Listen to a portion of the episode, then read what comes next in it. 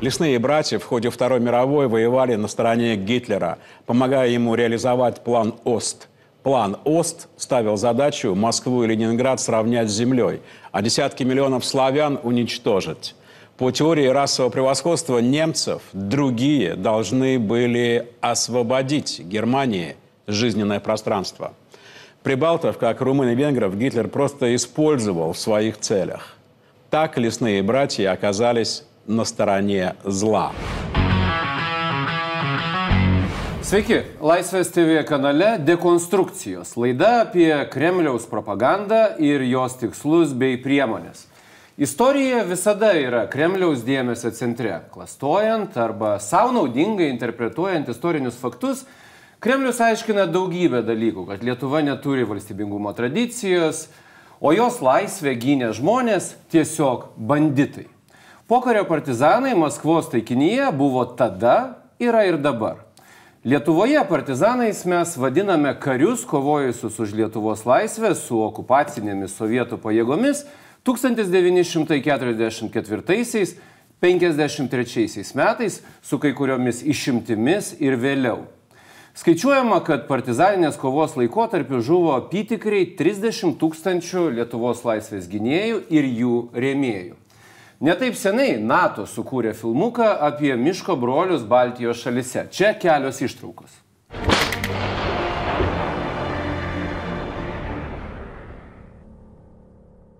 An estimated 50,000 men and women across the Baltic states took up arms and disappeared into the forest.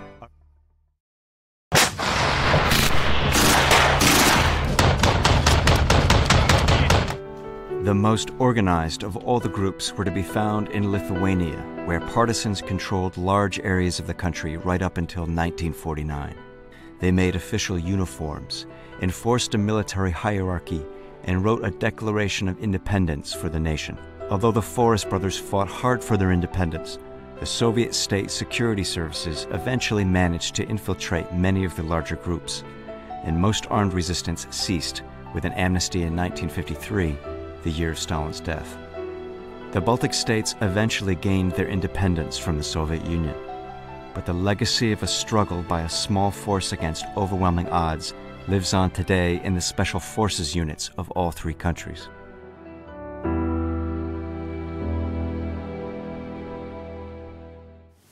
NATO sukūrė filmuką ir prasidėjo. Pirmiausia, reagavo Rusijos užsienio reikalų ministerijos atstovė spaudai Marija Zakharova. Ja šiuose laidose kartas nuo karto vis matysite. Pone Zakharova kalba apie dešimtis tūkstančių taikių gyventojų, kuriuos nužudė miško broliai.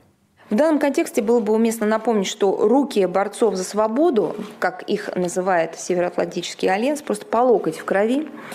Они виновны в гибели десятков тысяч мирных жителей, я подчеркиваю, мирных жителей. Taigi, šiandieną Rusijos propagandą apie partizanus dekonstruosime su istoriku ir politiku Arvidu Anušausku, sveiki gyvi. Sveiki. Ir istorikė, dirbančia Lietuvos kariuomenėje, propagandos analitikė Auksė Usienė. Sveiki gyvi. Sveiki. Taikių gyventojų žudimas - tai pirma žinutė, kurią išgirdome. Kaip galima tai pakomentuoti, ponė Nušauskai? Turiu pasakyti, kad e, pagal komunistinę ideologiją, kadangi vis tiek tuo metu okupacinė valdžia vadovavosi būtent šitą ideologiją, tai kiekvienas, kuris žūdavo, nuo e, pasipriešimo žmonių, kurie kovojo už savo valstybių, valstybingumo atstatymą, tai jie vadino taikiais gyventojais. Bet jeigu pasirausi į tą, kabutėse, taikų, taikų gyventoją, taikų ne? gyventoją, kaip ir Adolfo Ramanausko byloje, kai jie pamėgino surinkti tuos vadinamosius taikius gyventojus ir pateikė 300 anketų apie su mirties liūdėjimais, pasirodė, pavarčius kiekvieną iš anketų, kad ten e, tarptų vadinamųjų taikių gyventojų 60, e, šiek, šiek tiek daugiau negu 60, tai buvo okupacinių pajėgų kareiviai, karininkai, saugumo darbuotojai, milicininkai, ginkluoti partiniai ten sovietiniai aktyvistai, kurie deportacijas vykdė ir visa kita. Tai toks jų taikumas. Ir be abejonės jiems labai naudinga nuslėpti tikruosius savo pačių e, kovoje su šiuo pasipriešinimu tuo metu patirtus labai didelius nuostolius. Labai didelius. Pabrėšiu, e, e, kol neprieinami Rusijos archyvai, tai tik tai fragmentiškai man savo laiku teko matyti, galiu pasakyti, kad vienas pulkas, o jų, pavyzdžiui, 45 metais Lietuvoje buvo 16, nuostoliai e, gyvosios jėgos vien tik žuvusiais apie 300 žmonių. E, tas pulkas veikė būtent Dainavos e, apygardos ribose. Tai čia tik tai už vienerius. Sovietinis pulkas, kas tai yra tūkstantį žmonių maždaug? Pusantro tūkstančio Pusantro žmonių. Tūkstančio. Ir per metus netenka penktadalio vien tik tai žuvusiais. Šiaip bendras tas žuvusių skaičius ekspertiniais vertimais keli tūkstančiai žmonių, bet jų nerasite mūsų archyvuose. 25 tūkstančiai yra tas skaičius, kuris minimas, mes dar matysime įvairius reportažus, jisai nuolat minimas. Kuo grindžia e, šį skaičių? Na, e, apskritai reikėtų minė, paminėti tai, kad nuo sovietinių laikų apskritai propaganda ir, Rus, ir dabar Rusijos propaganda tuos skaičius ir statistikas pučia ir didina. Ir manoma, kad greičiaus, greičiausiai apie 12, gal 15 tūkstančių buvo tų aukų, bet tikrai jie buvo, na, ne tik tai kažkokie civiliai, kaip jie sako, bet tie civiliai, tie taikus gyventojai, tai dažniausiai ir buvo kolaborantai. Tai reiškia partinių organizacijų sekretoriai, komjaunimo organizacijų sekretoriai, komunistai, kolūkių pirmininkai, apylinkių pirmininkai. Kitas dalykas reikėtų paminėti, kad E, į tas aukas įtraukiami greičiausiai ir e, MGB agentų smogikų e, darbai visi, nes jie irgi žudė civilius partizanų vardu, jie tikrai žudė ir šaudė civilius. Jų pirmas tikslas buvo medžioti, sakykime, žudyti, naikinti partizanus. Bet kada jie juos iškviesdavo, sakykime, kažkokius susitikimus, apsimetę partizanais per jų rėmėjus, per jų ryšininkus, jie nepalikdavo gyvų liudininkų. Reiškia, visos civilės aukos būdavo nurašomos partizanam, inscenizuojamos vėliau kautinės su NKVDistais, kad parodyti, kad čia buvo tikrieji partizanai, o iš tiesų aukos jau agentų smogikų. Šitą Rusijos propagandą nutylė, jie apskritai tylė apie MGB agentų smogikus. Gerai, judėkim toliau. E, kiti reportažai ir nauji kaltinimai partizanams. Это документальный игровой видеоролик, который иначе как очередным фейком и не назвать. Издевка над историей. Видеотворчество, размещенное в интернете Североатлантическим альянсом, рассказывает историю прибалтийских эсэсовцев, которые вдруг стали борцами за свободу, настоящими героями. За красивой лесной сказкой официальный представитель российского МИДа Мария Захарова увидела сознательное желание НАТО исказить итоги Нюрнберга. Подписчиков своей странице в Facebook она попросила не оставаться безразличными к этому историческому извращению. Это цитата.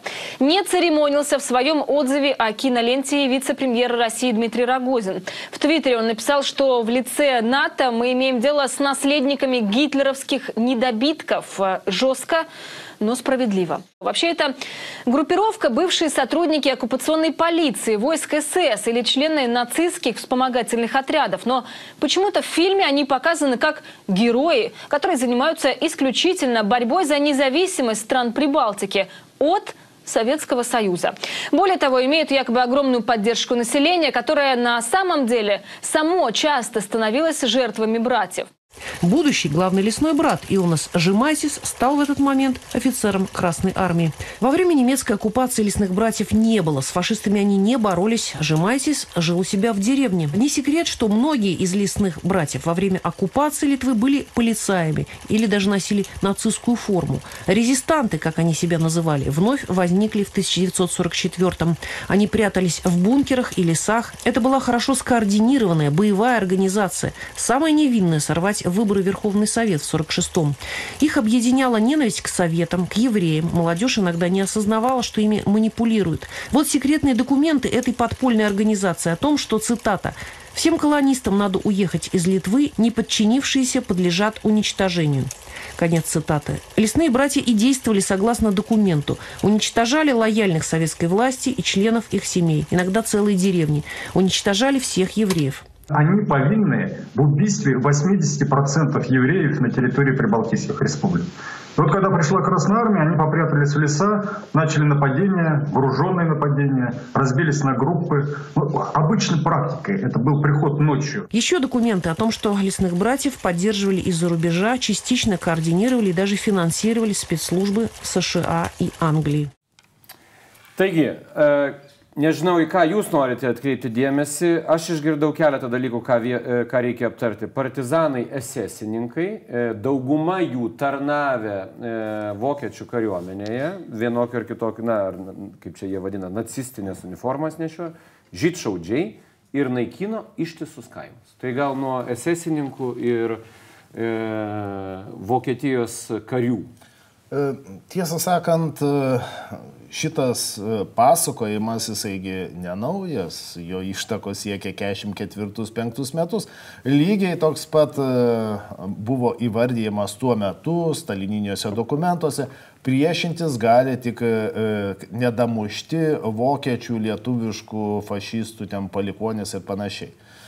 Tai čia buvo 44, 5 ir vėlesni metai. Tačiau, kai ats, nu, pradedi nagrinėti kiekvieną biografiją atskirai, supranti, kad didelė dalis tų žmonių, kurie pasitraukė į miškus, tai buvo mobilizuojamojo amžiaus ir pirmiausia patys jauniausi, tai yra 18-23 metų amžiaus. E, absoliuti jų dauguma nemokėjo valdyti ginklo ir iš vis niekur nebuvo tarnavę. Taip, buvo buvo tarnavusių, bet jų labai minimali dalis tarp partizanų buvo Adolfas Ramanauskas, pavyzdžiui, prisimena, kaip vis tiek jam teko mokyti tuos jaunuolius, kurie beje 41 metais dažnas iš jų buvo arba paauglys, arba vaikas, o jo labiau įsijungė į pasipriešimą vėliau. Taip pat jie buvo nepilnamečiai tuo metu, kaip jie tariamai turėjo tarnauti toj soviet, e, šitoj e, vokiečių kažkokiuose kariniuose daliniuose.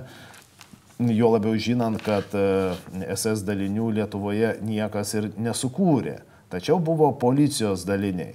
Kai nagrinėjai policijos dalinių e, tą asmeninę sudėtį, supranti, kad e, didelė dalis iš jų, jeigu nežuvo, jeigu nebuvo suimti, o jie pirmiausia buvo suimami 44-5 metais ir jie mirties bausmės buvo skiriamos apie 8 tūkstančių žmonių tuo metu apkaltino tokiais nusikaltimais, talkininkavimo vokiečių okupantams ir juos teisė. Tai e, didelė dalis, didžioji dalis jų pasitraukė iš Lietuvos į Vokietiją ir tiesiog ištirpo e, pasaulyje. Kiek jų galėjo būti tarp partizanų? Na, čia būtų jau labai spekuliatyvu. Na, maždaug. Kalbam apie dešimtis ar šimtus žmonių. Aš manyčiau, kad e, didžiausias skaičius galėjo būti 45 metų pirmoje pusėje, kai dar partizanų daliniai tik pradėjo organizuotis, niekas nežinojo, kas yra kas, jungėsi visi, kurie daugmaž e, galėjo laikyti ginklą, ten 30 tūkstančių e, žmonių. Kiek ten jų galėjo būti, aš čia tikrai nepasakysiu, nes būtų spekuliatyvu, bet aš pats vertinu, pats savo, kad tuo laikotarpiu tai e, jis neviršijo vieno procento. E, bet čia vėlgi patys įvairiausi žmonės, e, tie, kurie, kaip taisyklė, žydšaudžiai, pabrėšiu, kaimuose žmonės daug ką žinojo. Praktiškai viską ir apie kiekvieną.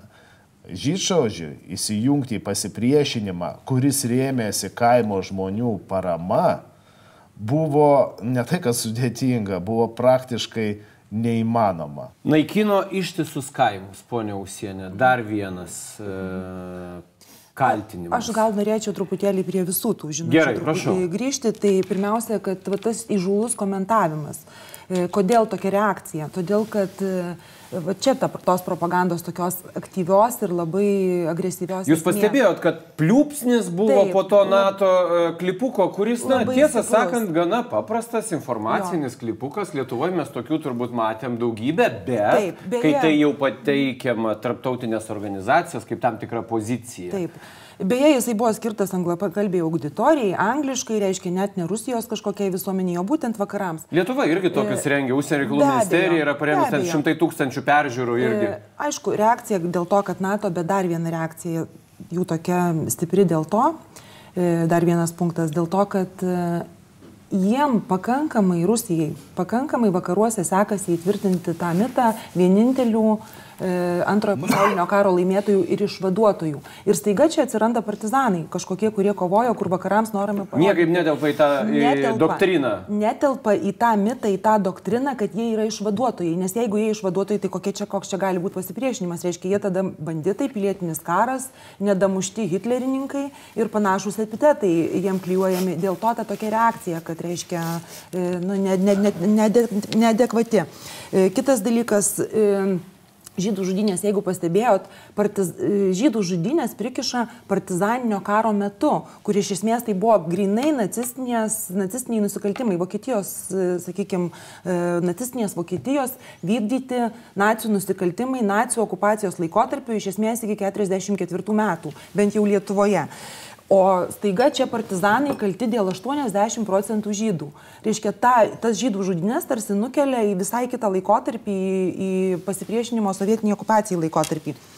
Ir dar vienas dalykas dėl SS kad atseit esesininkai buvo. Lietuvoje iš viso net nebuvo SS bataliono, jisai buvo sabotuotas, jisai nesusirinko. Lietuviai, kai kurie nacijų buvo nuteisti, inteligentai buvo ištremti į, į nacijų koncentracijos stovyklas būtent dėl to sabotavimo. Ir staiga čia tokie kaltinimai, kurie apskritai yra iš piršto laužti. Ta e, tema, žydų žudimo tema, tęsia ir kitos laidos ir tai yra gana e, populiari idėja. E, judėkime toliau ir dar viena ištrauka iš populiarios Rusijoje laidoje Sekmadienio vakaras. Kaip tik tęsiama partizanų tema. И каждый раз, когда мне рассказывают с нежностью о лесных братьях, они забывают, кого уничтожали лесные братья. Они забывают 20 тысяч, если не больше, да, мирных людей. Не воинов и не бойцов советской армии, а своих же литовцев, латышей, 22 тысячи эстонцев, поляки. конечно, евреи, конечно, поляки, конечно, русские. Вижу здесь несколько составляющих. Что касается, кто были эти люди, да, ну, в частности, в Литве. В большинстве своем это были именно ультраправые националисты, неонацисты. Э, Есть, например, такой персонаж, достаточно есть известная фотография. Литовские э, боевики, националисты стоят в лесу. Там их пять человек. Вот один из них это такой персонаж. Его звали Йозус Лукша. А, Когда в 1941 году Красная Армия уже ушла, а немцы еще не пришли, был знаменитый погром в Каунасе где э, литовцы, не дожидаясь немцев, начали, литовские националисты, начали уничтожать евреев. Часть из этих евреев загнали в гараж, и там убивали зверски. Ломами людей прокалывали насквозь. Вот Йозус Лукша, он э, Равину отрезал голову лично, своими руками, и сказал, что так будет со всеми, простите, жидами. Значит, потом он стал лесным братом. Теперь это герой НАТО. А, мало того, что он То герой теперь НАТО его мало того, как что он герой, герой да? НАТО, он еще посмертно был награжден а, литовским орденом в 90, по-моему, шестом или 97 году. А в 2008 году место его ликвидации сотрудниками НКВД было объявлено, ну, чуть ли не местом национального паломничества. А подготовку Йозеф Лукши перед заброской в СССР проходил э, в лагерях э, на территории Германии в лагерях НАТО. И, собственно, все коллаборационисты, все немецкие пособники, они э, все сразу попали именно под колпак ЦРУ и НАТО, потому что они должны были быть авангардом, ударной частью наступательной во время той самой знаменитой операции «Дропшот». Taigi, e, čia jau daug e, minima įvairių detalių, tai gal pirmiausia apie tai, kad Juozas Lukša nupjovė rabinui galvą. Na, turiu pasakyti, e, lyg skaityčiau Nachmano Dušanskio tuos tariamus prisiminimus, kurisai susipe, jau, aišku, žmogui 90 metų tuo metu buvo, susipainiojo tarp e, buvusių ir menamų įvykių, datų, viskas persipinė ir iš kažkurios vietovės paėmė e, vieną istoriją, perkelė į Kauną, iš Kauno dar kažkur. Realybė visai kita, juo labiau, kad teko... Čia, čia turime omeny Lietūkio garažo Taip, žudynės. Taip. Lietuvio garažo žudynės, kadangi teko vis tiek tirti šią temą ir pristatyti Vašingtonė holokausto muziejuje, tai galėčiau e, tik dar kartą pasikartoti, ką ir tenai sakiau, kad iš tikrųjų tai buvo operacija organizuota m, vokiečių SD gestapo e, kaip Zonder komandoje, toj Enzas grupės e, žmonių, tai yra Štalekeris ir jo vertėjas, e, kažkada turėjęs Lietuvos pilietybę, organizavo visą tą operaciją ir vykdytojas, vykdytojas beje, kuris pokaryje buvo suimtas ir žuvo lageryje, nes kažkas jam ant galvos numetė kažkokį sunkų daiktą, tai buvo Juozas Surmas. Atkreipsiu dėmesį, kai surandi tą personažą, tą vykdytoją, gestapo agentas beje jisai, tai e, atsiverti jo bylą, o byloje nėra nuotraukos. Sunku, ko gero, įsivaizduoti KGB bylą, kur nuteisė žmogų, net jo nenufotografavę, nuotrauka dingusi, kažkaip paslaugiai savo laiku jį išgaravo, aš jos neradau, turiu pasakyti. Juozas Surmas tiesiog žuvo vėliau lageryje, bet E, prieš tai e, visa ta istorija buvo, nu, jau prieš daug metų dekonstruota, išsiaiškinus ir visus potencialius vykdytojus, užsakovus, kaip tai padaryta, kas tapo aukomis, kiek truko ta operacija, visą dieną fotografuojama, tam talkino archyvarai iš Vokietijos, aš turiu pasakyti, kad jie išsaugoja e, gerokai daugiau dokumentų, negu mes turime apie šį įvykį Lietuvoje. Žinoma, ten nėra jo, jokio Juozo Lūkšos, tačiau ši tezė apie Juozą Lūkšą, e, ten nuotraukoje lyg ir dalyvavusi tam pogrome, jinai kursuoja jau, nu nežinau, apie du dešimtmečius, ko gero. Pirmiausia, kodėl Lukša ir kodėl vat, kiti partizanų vadai, tai dėl to, kad reikia, reikia diskredituoti partizanų vadovybę. E, jeigu diskredituoji partizanų vadovybę kaip vadus, aukščiausius, reiškia ir visas partizanų karas, laisvės kovotojų, tas, ta kova yra na, neteisėta, banditizmas, kažkoks pilietinis karas. Tai diskreditacija vadų. Pačiam e, video šitam Kas parodyta, tai akivaizdi manipulacija irgi viena iš propagandos technikų, kad reiškia pasakoma, kad Lukša buvo žudikas, ne va tai Lietuva jį apdovanojo ir staiga jis NATO herojus. Na, tokia manipulacija. Pažiūrėkite, ką e, garbina NATO ir kas jiem yra herojai. Tai tiesiog tokios propagandos e, technikos. Na ir aišku, jau čia tas akivaizdus malas, kad Lukša. Ir tai kalba politologas, tai mes matom tiesiog, tai yra akivaizdus įrodymas, kieno lūpomis tai išeina. Tai yra politologų, įvairiausių istorikų, kartais politikų lūpose ir labai dažnai, vat, kaip ir ta pati Zaharova, e, reiškia, kad, na, man matoma, kad tai yra valstybinis naratyvas, ne šiaip savo kažkokie pavieniai žmonės kalbama, o, kalba, o kad tai yra organizuota informacinė e, kampanija. Praėjusiu metu spalis ir Rusijos dėmesio centre Adolfo Ramanausko Vanago laidotuvė, žinoma, uh, didelis dėmesys Rusijos žiniasklaidoje skirtas šiam įvykiui, kaip šalyje, kokiomis iškilmėmis laidojamas banditas. В Литве буквально накануне перезахоронили останки Адольфаса Романаускауса. Да с таким размахом, что некоторые президенты могут позавидовать почестям, оказанным главарю лесных братьев. Вот тех самых, которые убили более 25 тысяч человек. И делали они это по приказу того самого Адольфаса. Репортаж Елена Наркунайте.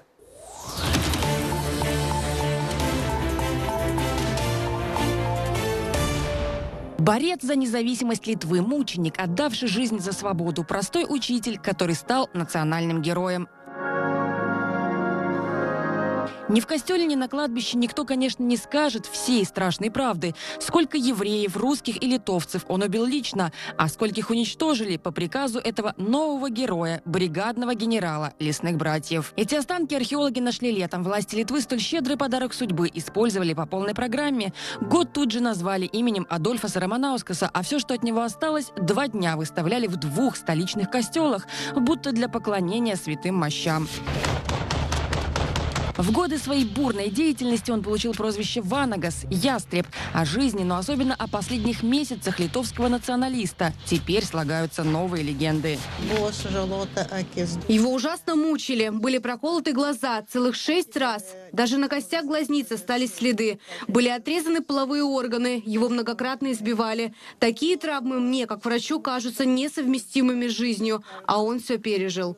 Если бы не этот образ мученика, дочь Романаускаса вряд ли стала депутатом Сейма. По ее инициативе часть рассекреченных архивов литовского КГБ снова были засекречены, но кое-что осталось в открытом доступе. Да здравствует советская бюрократия. Вот, например, опись продуктов для приговоренного, по сути, опровергающая кровавые пытки в чекистских застенках, составлена за две недели до смертной казни. Колбаса, сахар, баранки, сыр, булочка и даже сливочное масло. Под справкой стоит четкая подпись самого Романаускаса, значит, был зрячим и вполне сытым. Караульные чеканят шаг, живой оркестр наигрывает мелодию гимна с такими почестями литовского героя. Пронесут по городу и переложат из одной части кладбища в другую. Но абсурдность ситуации даже не в этом, а в том, что ярого антисоветчика похоронят рядом с коммунистом, бывшим литовским президентом. Какая ирония, в свое время Альгредас Бразаускас официально признал Холокост в Литве, извинился перед Израилем и пообещал назвать имена убийц. Сегодня президент Грибаускайте ведет другую политическую игру. Извините, может быть, ответите на один вопрос русскому каналу? Это русский канал? Передаю привет. Taip, čia e, dalis reportažo, toliau e, ten yra ir e, kitokių detalių, bet esmė visiškai aiški. Pirmiausia, vėl e, žydų žudinių tema ir jau sujungiama su Algirdo Brazausko atsiprašymu knesėti ir taip toliau. E, na, kas jums pirmiausia įstrigo e, žiūrint šitą reportažą? Akiplėšiškumas galbūt labiau įstrigo, tačiau pati tema rodomo daugybė faktų, kurie supainioti, čia jau detalės, iš tikrųjų, bet esminė žinutė, kuri suprantama ir vakaruose, dalyvavo žydų žudynėse. Nesvarbu, kad nėra ne tai, kad įrodymų, nes jis ne, paprasčiausiai nedalyvavo tuose žudynėse, visai kito sanklodo žmogus ir taip toliau. Tačiau faktų niekas čia neieško. Tezė išmetama, e, jeigu paprašytum pasakyti, e, tai nurodykit bent kokį konkretų atvejį, tai greičiausiai nurodytų, kaip ir Nachmanas Dušanskis, nurodė visus e, miestelius, kur buvo nužudyti žydai. Nepaisant to, kad jau tuo metu, kai jisai tą interviu nelemtą davė 2008 metais, jau mūsų tyrėjai ir ne tik mūsų, ir vokiečių, ir kiti buvo nustatę ir vykdytojus, ir organizatorius, ir aukas. Visa tai jau nustatyta, išleista knyga Holokaustas Lietuvos provincijoje 41 metais vasarą rūdienį. Tai yra viskas yra nustatyta. E, vykdytojai taip pat nustatyti. Adolfo Ramanausko biografija jau žinoma. Ir anksčiau buvo jinai žinoma, bet dabar dar detaliau žinoma mokytoja, kuris mokytojavo fiziškai tuo metu, dėstė pradinukams, e, mėginama padaryti žyšaudžių ir galbūt žudinių organizatorium, bet tai žinutė, kuri vakaruose būtų suprasta tiem ir, ir suprantama ir priimama netgi, ir vakaruose šiuo atveju Junktinėse Amerikos valstijose, kai atsisakoma jam žinimo jo gimimo vietoje, būtent dėl to, kad jisai kaltinamas šitomis žudynėmis be jokių faktų iš vis, tušioje vietoje.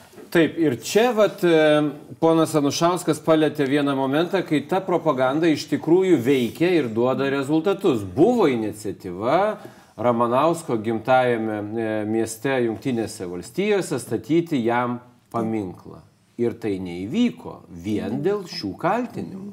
E, taip, galimai taip, bet aš vėlgi čia šiuo atveju kalbėčiau apie tai, ko siekiama. Tai aišku, jau pasakėt, kad e, vakaruose ta žinutė priimama, bet kodėl. E, ko siekiama? Kiršinti mūsų su NATO partneriais, su Amerikos žydais, sakykime, su Amerikos žydų bendruomenė, kiršinti Lietuvą su Izraeliu, kada santykiai yra pakankamai geri. E, ir kiršinti netgi pačius lietuvius su žydų bendruomenė viduje Lietuvoje ir netgi lietuvius pačius su lietuviais. Čia yra labai tikslinga informacinė operacija. Aš netgi pasakysiu iš mūsų darbo, sakysim, stebėsenos, kad e, tuo metu, kada buvo Vanago laidotuvės, tai apskritai informacinių išpolių prieš Vanagą apie šitas laidotuvės, prieš partizanus spalio mėnesį, e, lyginant su Liepos mėnesiu, padaugėjo 225 procentais. Reiškia, daugiau visus, nei du kartus. Daugiau nei du kartus. Mes šį reportažą parodėm. Socialinius taip. tinklus, per radiją, televiziją ir per visur kitur. Šitam reportaže manipuliuojama ir vizualizacijom. Ir apskritai, kodėl vat, kalbama apie žydų nusikaltimus, dar vienas aspektas. Kad paneigti pačių sovietų nusikaltimus prieš Vanagą. Nes jisai buvo brutaliai, e, reiškia, Kankintas. kankintas, e, buvo, na, tiesiog jau kankini, kankinimai buvo uždrausti kaip tardymo metodai, o jis buvo kankintas. Ir čia yra balinami sovietų nusikaltimai. Dar vieną, jūs turbūt pakomentuotumėte. Taip, vienas dalykas man tas, maistą. e, kur baronkų gavo, dešros, ko ten dar Jo, sausainių, jo, koks jo. jisai gerai pamaitintas, e, nekankintas, viską matė, pats pasirašė. Jo, na, jisai matė vieną. Taip, akimi. viena akis tik, taip, buvo, Taip. išdurta buvo tik viena akis. Taip. Tik viena akis, tik viena ausis, tik vienas pirštas nupjautas, tik tai vieną kartą iškastruotas galutinai. E, Sveikatai negryžtamos e, pasiekmes ir tai akivaizdu, jisai tą puikiai suprato ir beje, tą lapelį, kurį parodė, tai buvo po dviejų mėnesių pertraukos, jau po teismo, kai jisai buvo nubaustas mirties bausme. Ir būtent Ramanauskas parodė iniciatyvą tuo metu siekdamas, tai buvo lapkričio e, vidurys, pradžia 57 metų siekdamas pranešti apie save žinę, nes jis jau nubaustas mirties bausmė, jau žino savo likimą, tik e, laukia dar tos akimirkos, bet norėdamas pranešti žinę savo šeimai, kad jisai vis dėlto dar gyvas, nes jokio susirašinėjimo, jokių kontaktų, vienutėj. Jisai e, kreipėsi į kalėjimo viršininką, sakydamas, kad norėtų gauti maisto iš žmonos artimųjų.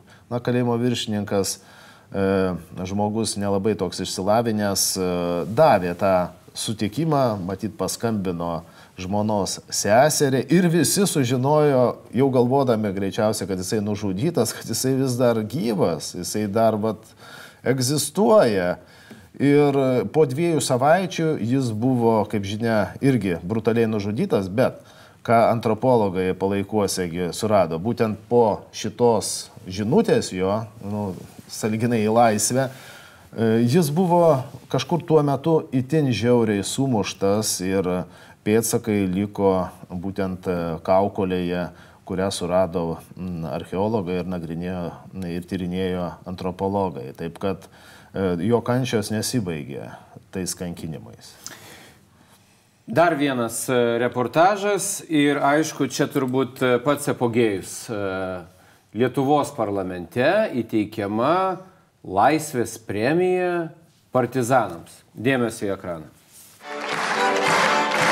Зал рукоплещет. Так с почестями обычно награждают борцов с фашизмом. Но здесь, в Литве, эта церемония в честь тех, кто воевал не против Гитлера, а чаще на его стороне. Лесные братья. Вот президент страны Даля Грибаускайте пожимает им руки.